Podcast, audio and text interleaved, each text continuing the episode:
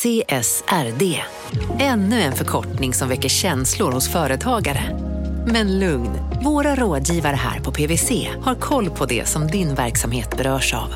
Från hållbarhetslösningar och nya regelverk till affärsutveckling och ansvarsfulla AI-strategier. Välkommen till PWC. Han där, han är snabbast i världen år. Aha, hur snabb är han? Typ som en spikpistol från SV. Alltså en FNG 3490. Gasdriven. Vet du lite för mycket om byggprodukter? Vi är med. -bygg. Bygghandeln med stort K. Välkommen till Momang, ett nytt smidigare kasino från Svenska Spel, Sport och Casino där du enkelt kan spela hur lite du vill. Idag har vi Gonzo från spelet Gonzos Quest här som ska berätta hur smidigt det är. Sí, es muy excelente y muy rápido. Tack Gonzo. Momang, för dig över 18 år. Stödlinjen.se. Hej gänget, Gunnar här. Eh, dagens avsnitt innehåller en intervju med eh, förvaltaren Anna Svan. Eh, den blev svinlång och svinbra och vill man höra hela den så finns den på vår Youtube-kanal. Så gå in på Youtube och sök på De kallar oss krypto så finns hela intervjun med Anna där. Nu till dagens avsnitt.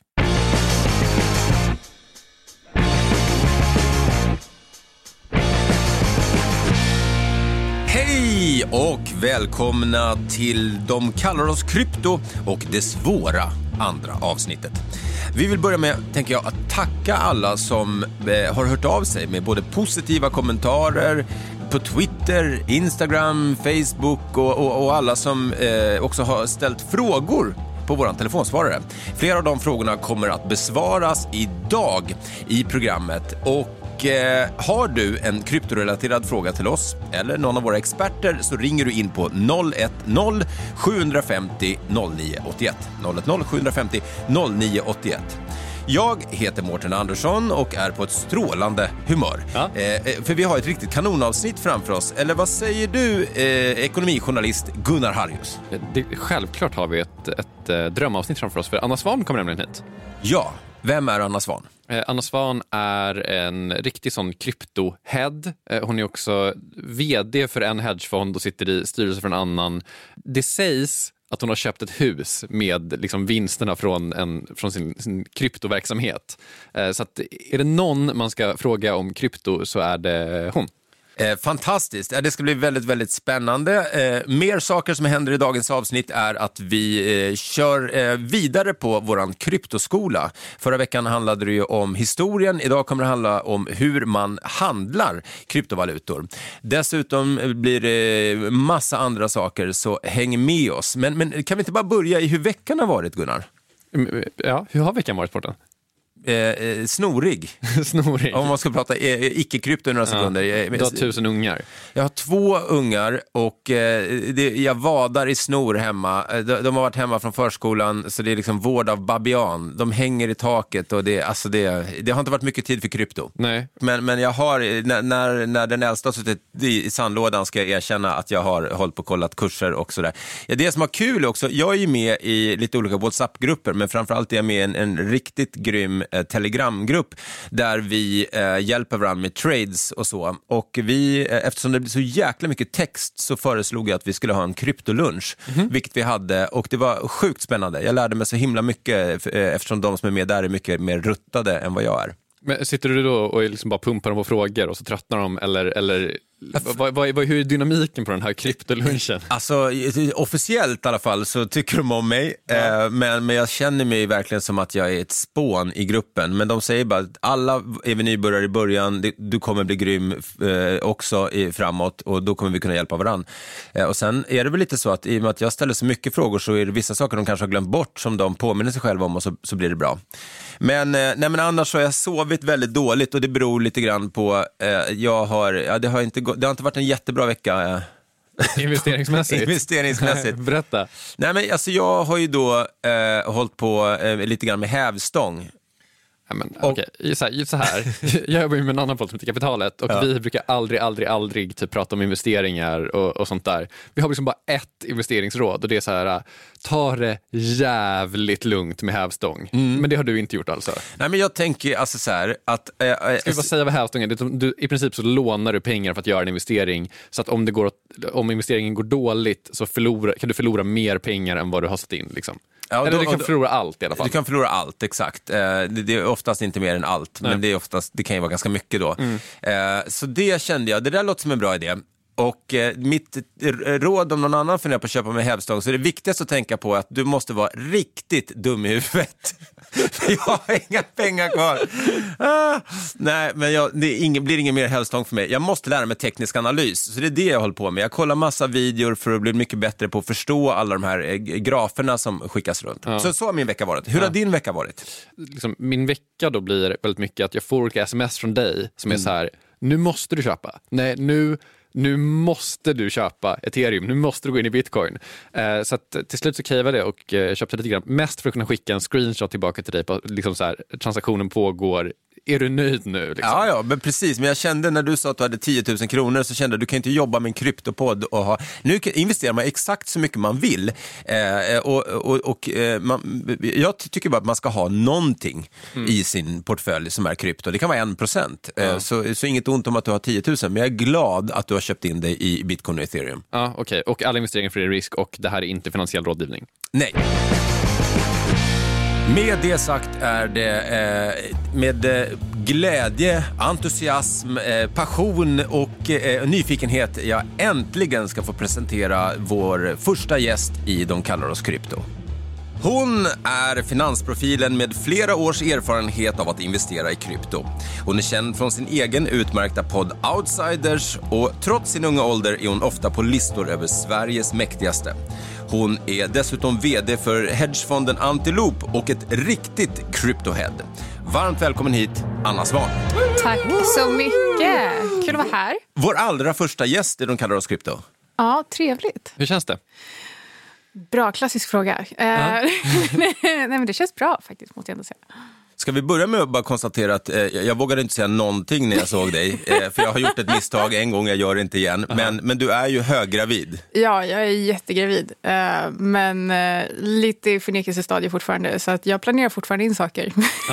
men eh, ja. Ja, men extra kul att du är här då. Kan du berätta, eh, om, om vi bortser från eh, det vackra i att vara gravid, eh, hur ser en normal dag ut i Anna Svans liv? Jag flyttade till hus för två veckor sedan så nu eh, går jag upp ganska tidigt vid sex. Eh, går ner, eh, släpper ut hunden i trädgården, vilket är helt magiskt. Kommer aldrig flytta in till stan igen. Eh, käkar lite frukost, åker in till stan, går till kontoret, eh, sitter mitt i stan. Eh, och eh, där gör jag allt från att eh, rulla råvaruterminer och Eh, pratar med mina kollegor, läser research väldigt mycket om centralbanker, penningpolitik och inflation som är mitt favoritämne. Eh, men sitter också i styrelsen för ett noterat bolag som heter Arkin Crypto som investerar i eh, i bolag som på något sätt har liksom en fot i traditionell finans och den andra foten i kryptovärlden. Är det sant att du har köpt det här huset som du pratar om för typ eh, crypto-winnings? Eh, delvis. Nej, men det var så här att eh, när, när vi bestämde oss för att köpa hus så, eh, så skaffade vi ett lånelöfte och eh, sen så eh, tänkte jag men jag behöver liksom placera mina pengar i low risk under tiden och eh, då tyckte jag att mina bästa low risk place var Dogecoin. nej, nej, men, eh, det var ett par DeFi-projekt som heter, som heter Aave. Eh, Lend hette det tidigare, token, men också ethereum och eh, bitcoin. Eh, och eh, det här blev jättebra. så, eh, men det var det som jag tyckte, det var liksom det som, ja, men jag, jag tror att det här kommer vara bäst nu. Och såklart inte så att om det hade gått åt andra hållet så hade jag inte kunnat köpa huset. Men, men ja, jag använde de pengarna som jag skulle köpa hus för, för att köpa krypto. Och sen fick jag sälja krypto för att köpa hus. Så ja, det stämmer. Härligt. Vi ska självklart prata mer med Anna alldeles strax, men eh, som vi brukar i De kallar oss krypto, eller som vi brukar, har gjort ett avsnitt tidigare. Eh, men så ska vi dra igång med ett nyhetssvep. Och vi börjar med att Coinbase listades förra onsdagen. Och hur blev det? Flipp eller flopp? Ja, den öppnade på 381 dollar och står vid tiden för den här inspelningen på 328 dollar. Alltså en värdeminskning på 14 procent. Mera krypto såklart. Både bitcoin och ethereum slog nya all time high flera gånger under senaste veckan. Bitcoin värderades som högst till nästan 65 000 dollar och räknas numera som världens sjätte största valuta. Bitcoins värde är nu större än det brittiska pundet. Ethereum, som den 14 april genomförde en så kallad hard fork som innebär bättre kapacitet, snabbare och billigare transaktioner, tog eh, genom detta kanske och lite annat eh, nytt all time high och passerade milstolpen 2500 US-dollar. Och avslutningsvis, det omtalade forumet Wall Street Bets på Reddit kommer inte att tillåta diskussioner om kryptovalutor på sitt forum. Wall Street Bets har konsekvent sagt nej till krypto trots massiva påtryckningar från medlemmar under flera år. De ansvariga för forumet har meddelat att man är rädd för att krypto ska ta över hela forumet som ju är tänkt att vara ett aktieforum. Men i dagarna så blev trycket för stort och man valde till slut att göra en kompromiss där man beslutade sig för att tillåta diskussioner om bitcoin, ethereum och dogecoin. Men Beslutet höll bara i 20 timmar innan det återigen var dags eh, att förbjuda allt snack om krypto. Anledningen sägs vara att eh, den gigantiska ekonomisajten Bloomberg gick ut och hävdade citat “Wall Street bets bows to crypto wave” något som ska ha gjort administratörerna av Wall Street Bets asförbannade och därför då ändrade man reglerna direkt. Värt att notera är att både Doge och Bitcoin steg till all time highs under det korta fönstret som just Wall Street Bets på Reddit hade öppet för kryptosnack.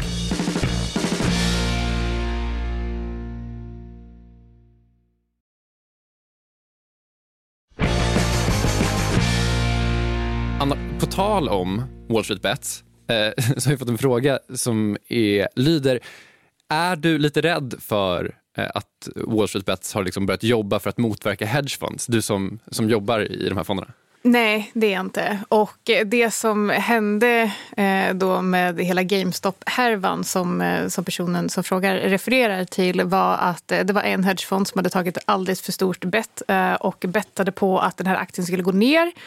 Och Eh, anledningen till att jag inte är rädd för det här är för att vi, vi jobbar inte riktigt på det sättet i vår hedgefond. Dels så tar vi inte den typen av bets.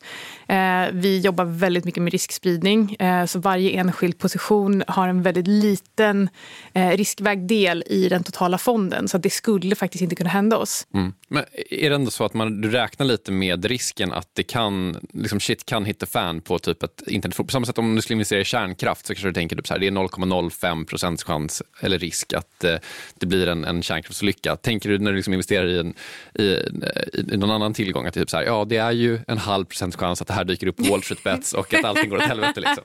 eh, nej, men och då är det också så att eh, i och med att varje position eh, tas med en riskviktning eh, så är den så pass liten så att eh, om det skulle ske med en enskild position så skulle det, skulle det påverka fonden totalt så pass lite att det faktiskt inte spelar någon roll. Mm.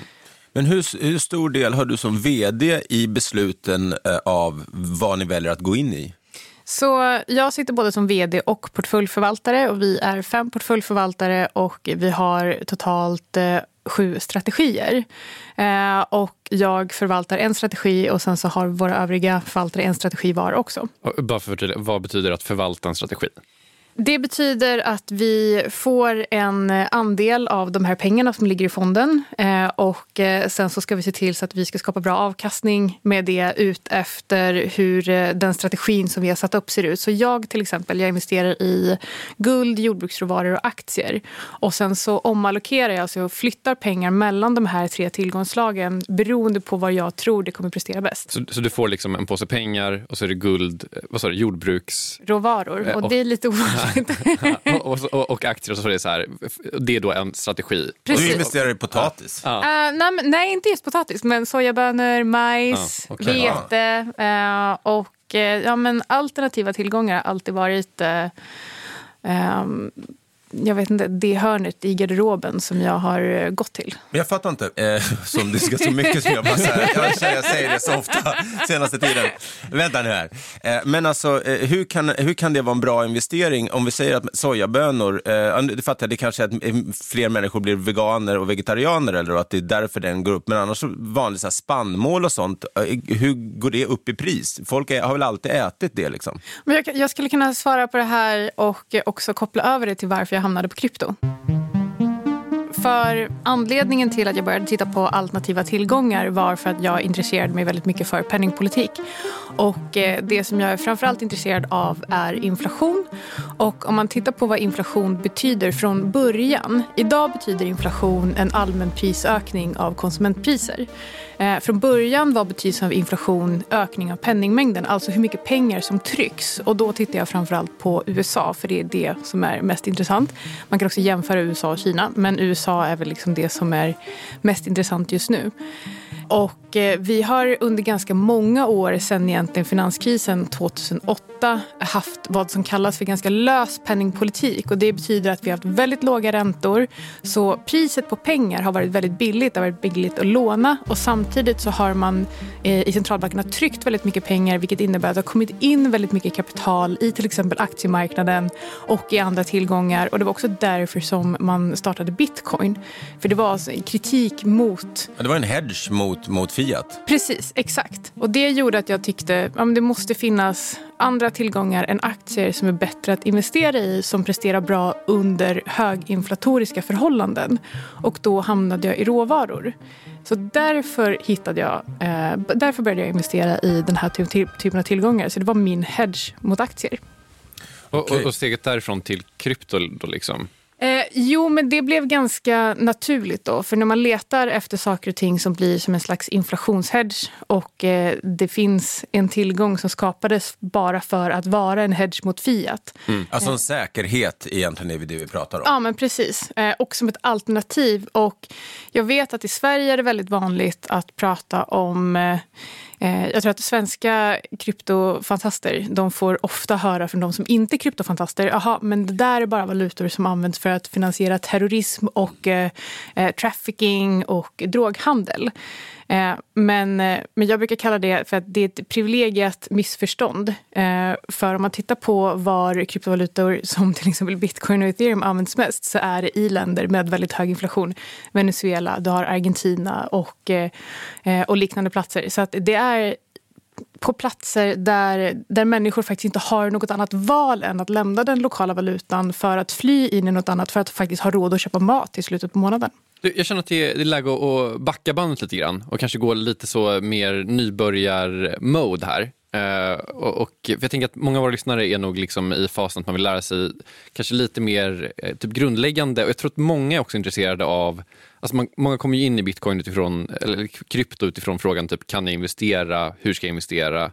Uh, och och du, är det för sent? Ja, och du jobbar ju för guds skull med de här grejerna. Eh, så jag tänker att vem, vem kan vara bättre än, än du och fråga om de här sakerna? Har du liksom något så här, när, typ, om du har kompisar som bara säger jag är lite sugen på krypto, vad, vad brukar du säga till dem då? Eh, jag brukar säga att eh, man alltid ska ha en eh, liten del av sina pengar i krypto. Det behöver inte vara en betydande del.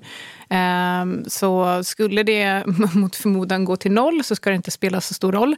Men om det växer, om hela den här marknaden kommer växa så mycket som många och jag, inklusive jag, då, tror att det kommer göra så kommer det göra en stor skillnad för dig i framtiden.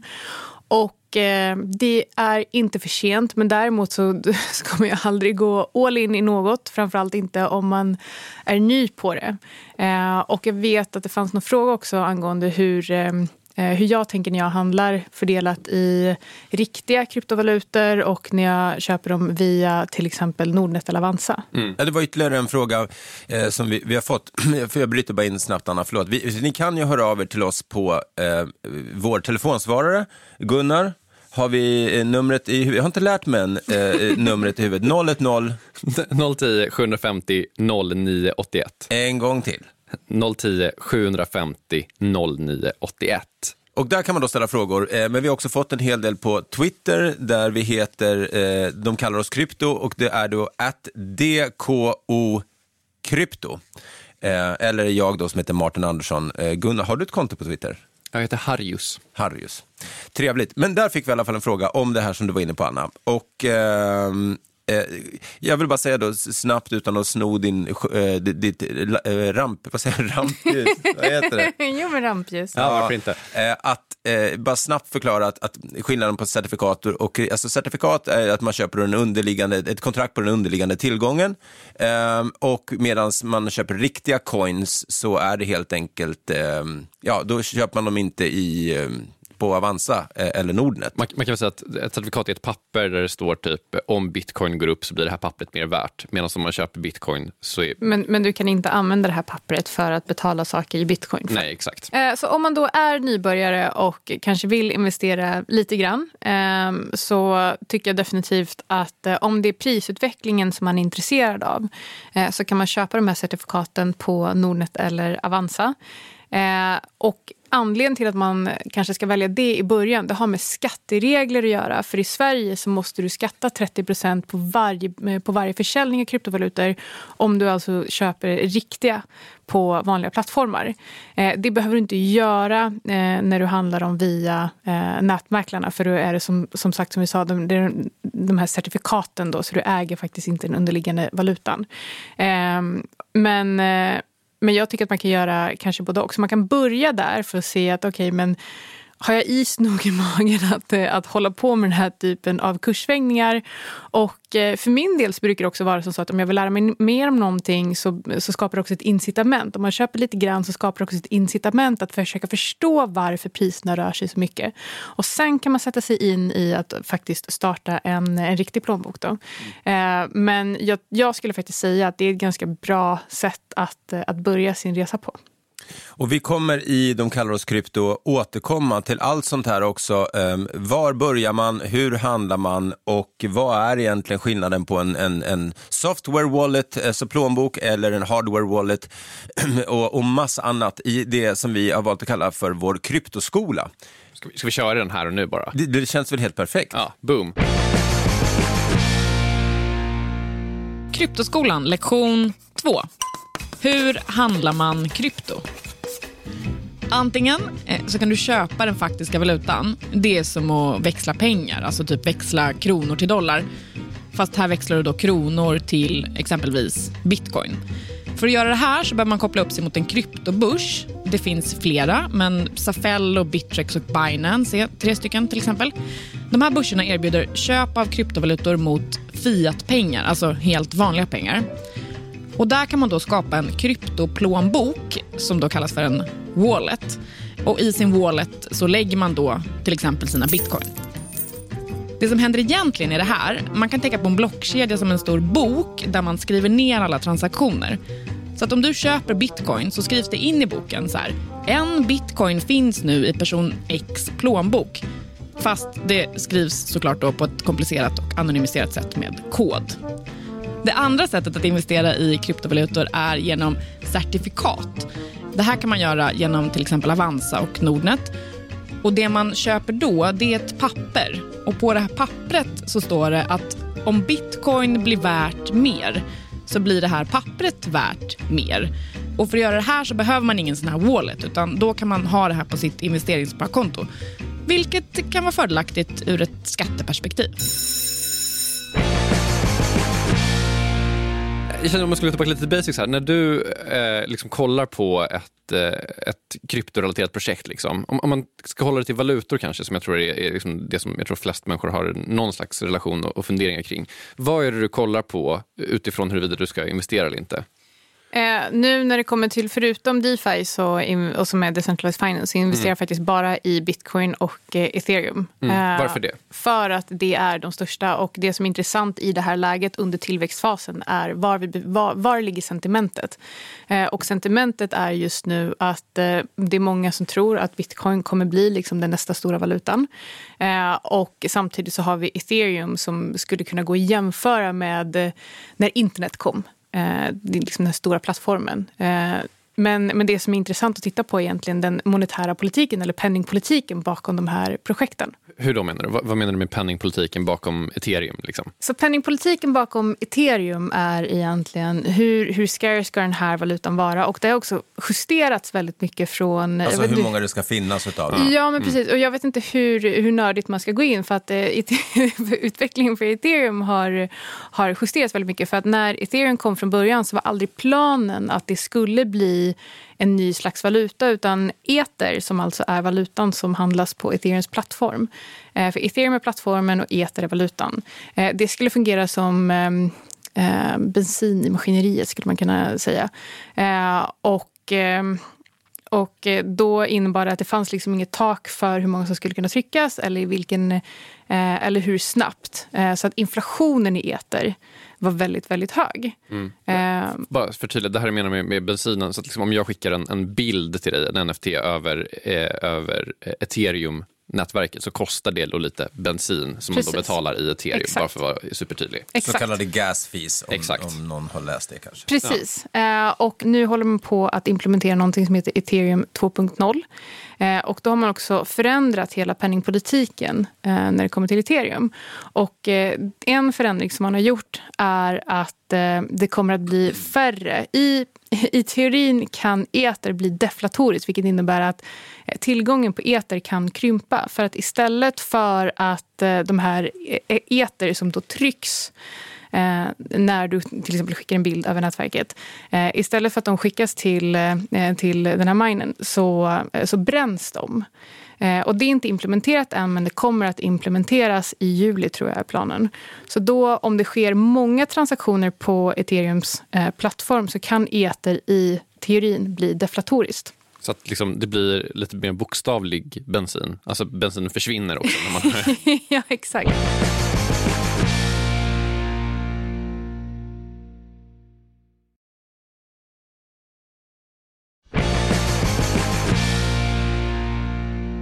Men ska vi ta, tänker jag, eh, några av våra frågor som har kommit in på telefonsvararen? ja, absolut. Vi kan börja med en från eh, Irma. Hallå! Jag heter Irma och ringer från Stockholm eh, och har en fråga om det här med krypto och eh, hållbarhetsfrågan. Det har ju uppmärksammats väldigt mycket senaste tiden i media att eh, det kostar enorma mängder energi att producera kryptovalutor och man har också sett exempel där kärnkraftverk direkt producerar och kopplar upp sig för att tillverka bitcoin till exempel. Vad tror vi om kursen långsiktigt i förhållande till hållbarhetsfrågan och hur tror ni att man kommer arbeta med de frågorna framöver? Tack för mig! Ja, hur känner du? Tack, För det här, Irma. ja, verkligen tack Irma. För det här är en, en sån grej som man verkligen får höra ofta. Energifrågan är ju en, en, en, en stor, stor boll verkligen. look, Bitcoin absolutely is an industry that consumes a lot of energy. Because the brutal, if unconsequential truth about such a promising technology is that it comes with one of the world's most energy intensive production processes called Bitcoin mining. Hur, hur, hur resonerar du kring den?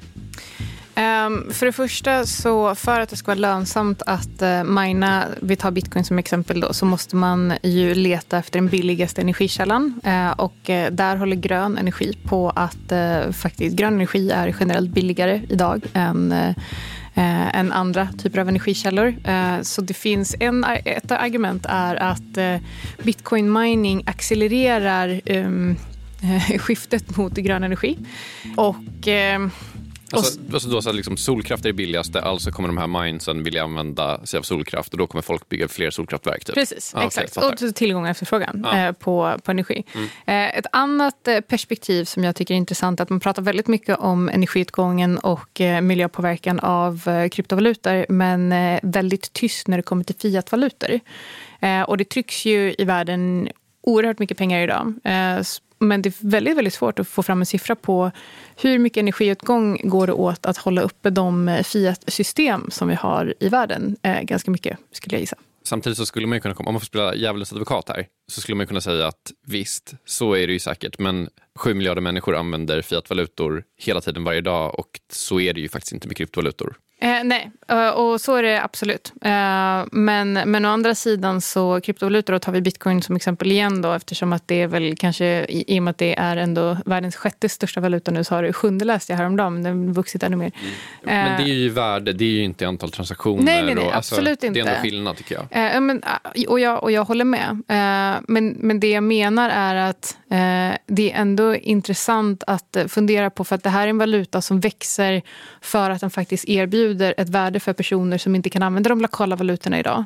Eh, och även om fler transaktioner utförs i fiatvalutor så är det fler och fler som vänder sig till till exempel bitcoin för att de inte har något annat val. Jag såg att det var någon som tweetade från Venezuela, eh, eller inte längre från Venezuela, men som sa att eh, jag flydde Venezuela eh, över gränsen med min flickvän och min bästa vän. Det enda vi hade var våra kläder och Eh, vår nyckel till vår bitcoinplånbok. Och vi hade inte kunnat göra den flykten utan bitcoin. Eh, så någonstans får man också fundera på vad, vad är bra och vad är dålig energiåtgång. Allting kostar energi idag eh, och det måste man vara väldigt, väldigt medveten om. Och just nu genomgår vi ett typ av, av skifte. Men jag skulle ändå säga att det här med att för att det ska vara lönsamt att mina så måste vi välja den billigaste elen och just nu är det eh, grön el så att det faktiskt accelererar övergången till eh, ren el. Och det finns ju eh, eh, som sagt inget heller något självändamål för de som minar, alltså de som eh, digitalt trycker eh, eh, eh, kryptovalutor att, att liksom vara miljöbovar. De kommer tjäna mer pengar om de hittar billigare el. Och jag hörde, läste en, eh, såg en väldigt intressant intervju på Youtube nyligen där de just pratar om att hur infrastrukturen i vissa länder till och med håller på att förändras, där man bygger, att vi traditionellt för många, många år sedan till exempel bosatte oss då i eh, nära en, en hamn med, med stora möjligheter för att eh, åka med båtar och skeppa varor och grejer och kunna bo där. Så byggde vi samhällen. Men att man genom liksom kryptovalutor och sånt nu till och med kommer att flytta sig dit naturresurserna finns och bygga samhällen nära dem.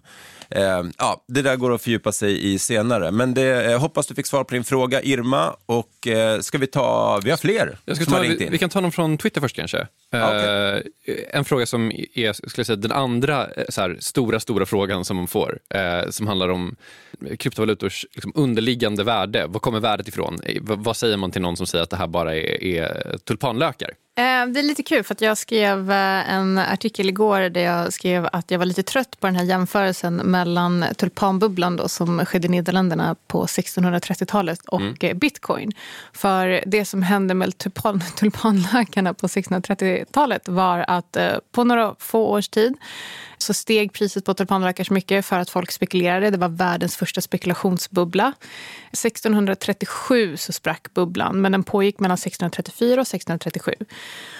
Och på bara en vecka så föll priset till i princip noll så att man kunde inte ens sälja de lager som fanns. Eh, och hela landet gick eh, in i en ekonomisk depression och människor var finansiellt ruinerade för resten av livet. Och anledningen till att det här absolut inte är samma sak som bitcoin är för att om man tittar på när människor älskar att dra den här liknelsen så är det när vi har sett en, eh, en topp som vi kan titta på 2017 till exempel när priset steg från några hundra dollar upp till 19 000 dollar. Sen föll det ner till 8 000 dollar och då sa folk, se vi sa ju det, det var ju som en tulpanbubbla.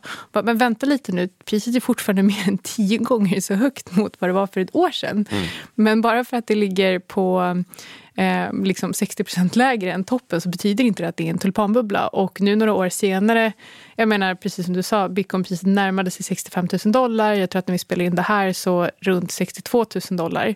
Eh, uppenbarligen inte en tulpanbubbla. En annan sak som är viktig att komma ihåg är att det finns ett väldigt viktigt användningsområde för många människor idag och det är precis det som jag har tagit upp flera gånger.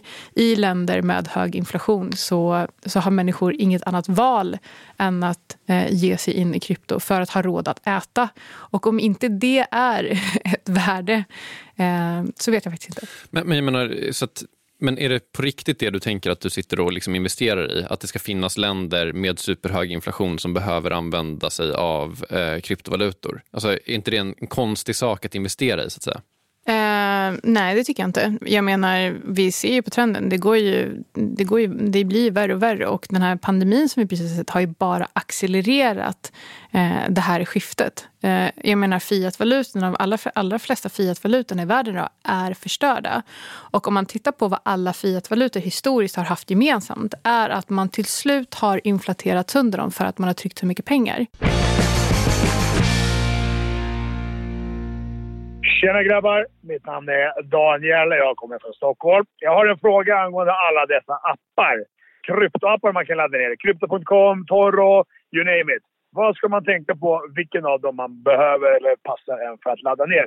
Jag förstår att alla tar en avgift, procent, när man tar ut eller sätter in pengar eller säljer eller köper. Om vi glömmer det, låt dem ta sin lilla, lilla procent. Vad är nästa man ska tänka på? Vissa är en bank, vissa är inte en bank. Vad ska jag tänka på? Tack så mycket! Wow, tack för frågan. Uh, har du några tankar kring det, Anna? Uh, jag skulle säga att uh, för mig var det stora problemet först att, att faktiskt hitta eh, hitta en plattform där eh, min bank tillät mig att eh, föra över pengar. Mm. Mm. är det någon mer som har haft det problemet? Nej, det är nog fler som har haft det problemet i Sverige. Eh, så det gör att vår urvalsprocess, eh, eh, vårt, vår, vårt urval krymper lite. Så jag skulle kanske börja i den änden. Men sen så beror det helt på eh, vad du ska ha den till. Okej, men är det här eh, ett ställe där du bara ska förvara dina kryptovalutor? Ska du kanske köpa lite varje månad? Eh, eller vill du handla mer aktivt? Så allting handlar egentligen om vad är, vad är ditt behov?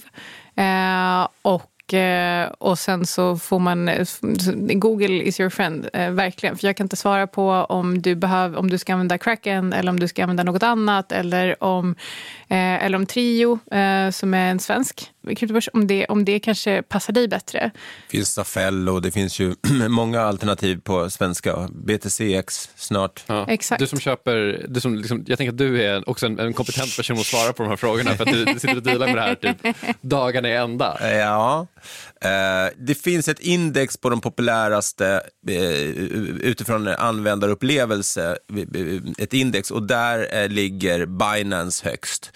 Eh, mycket tror jag på grund av att de har väldigt många coins. Eh, altcoins, eh, de har de största också, men då altcoins som alltså står för alternative coins, sådana som kom efter att bitcoin eh, gjorde sin debut.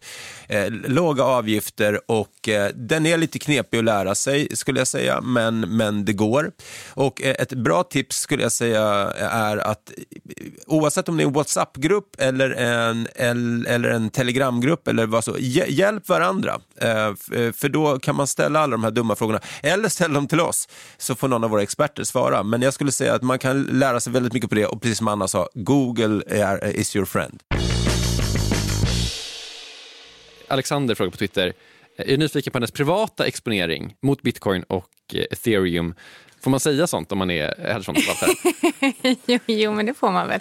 Eh, nej, men jag har såklart, eh, i och med att jag är en person som letar efter inflationshedgar eh, så har jag det dels eh, via fonden som jag förvaltar, men där har vi ingen krypto.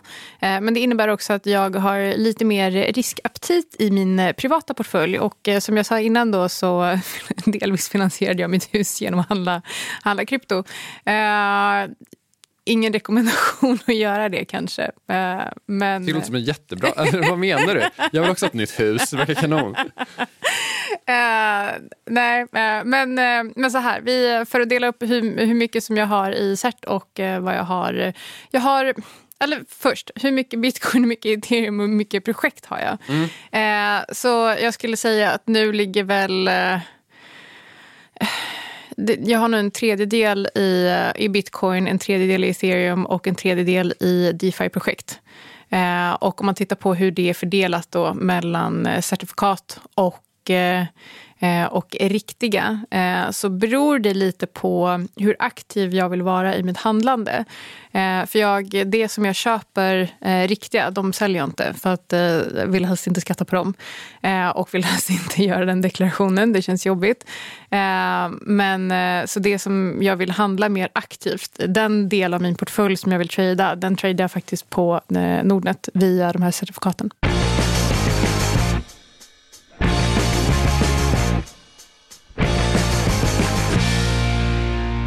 Men, men vad härligt. Eh, vi har tagit väldigt mycket av din tid, men det har varit superkul att ha dig här. Och eh, jag vet inte ens om du vet det här Gunnar, för jag frågade Anna när du var borta eh, och hämtade lite kaffe och vatten och sånt.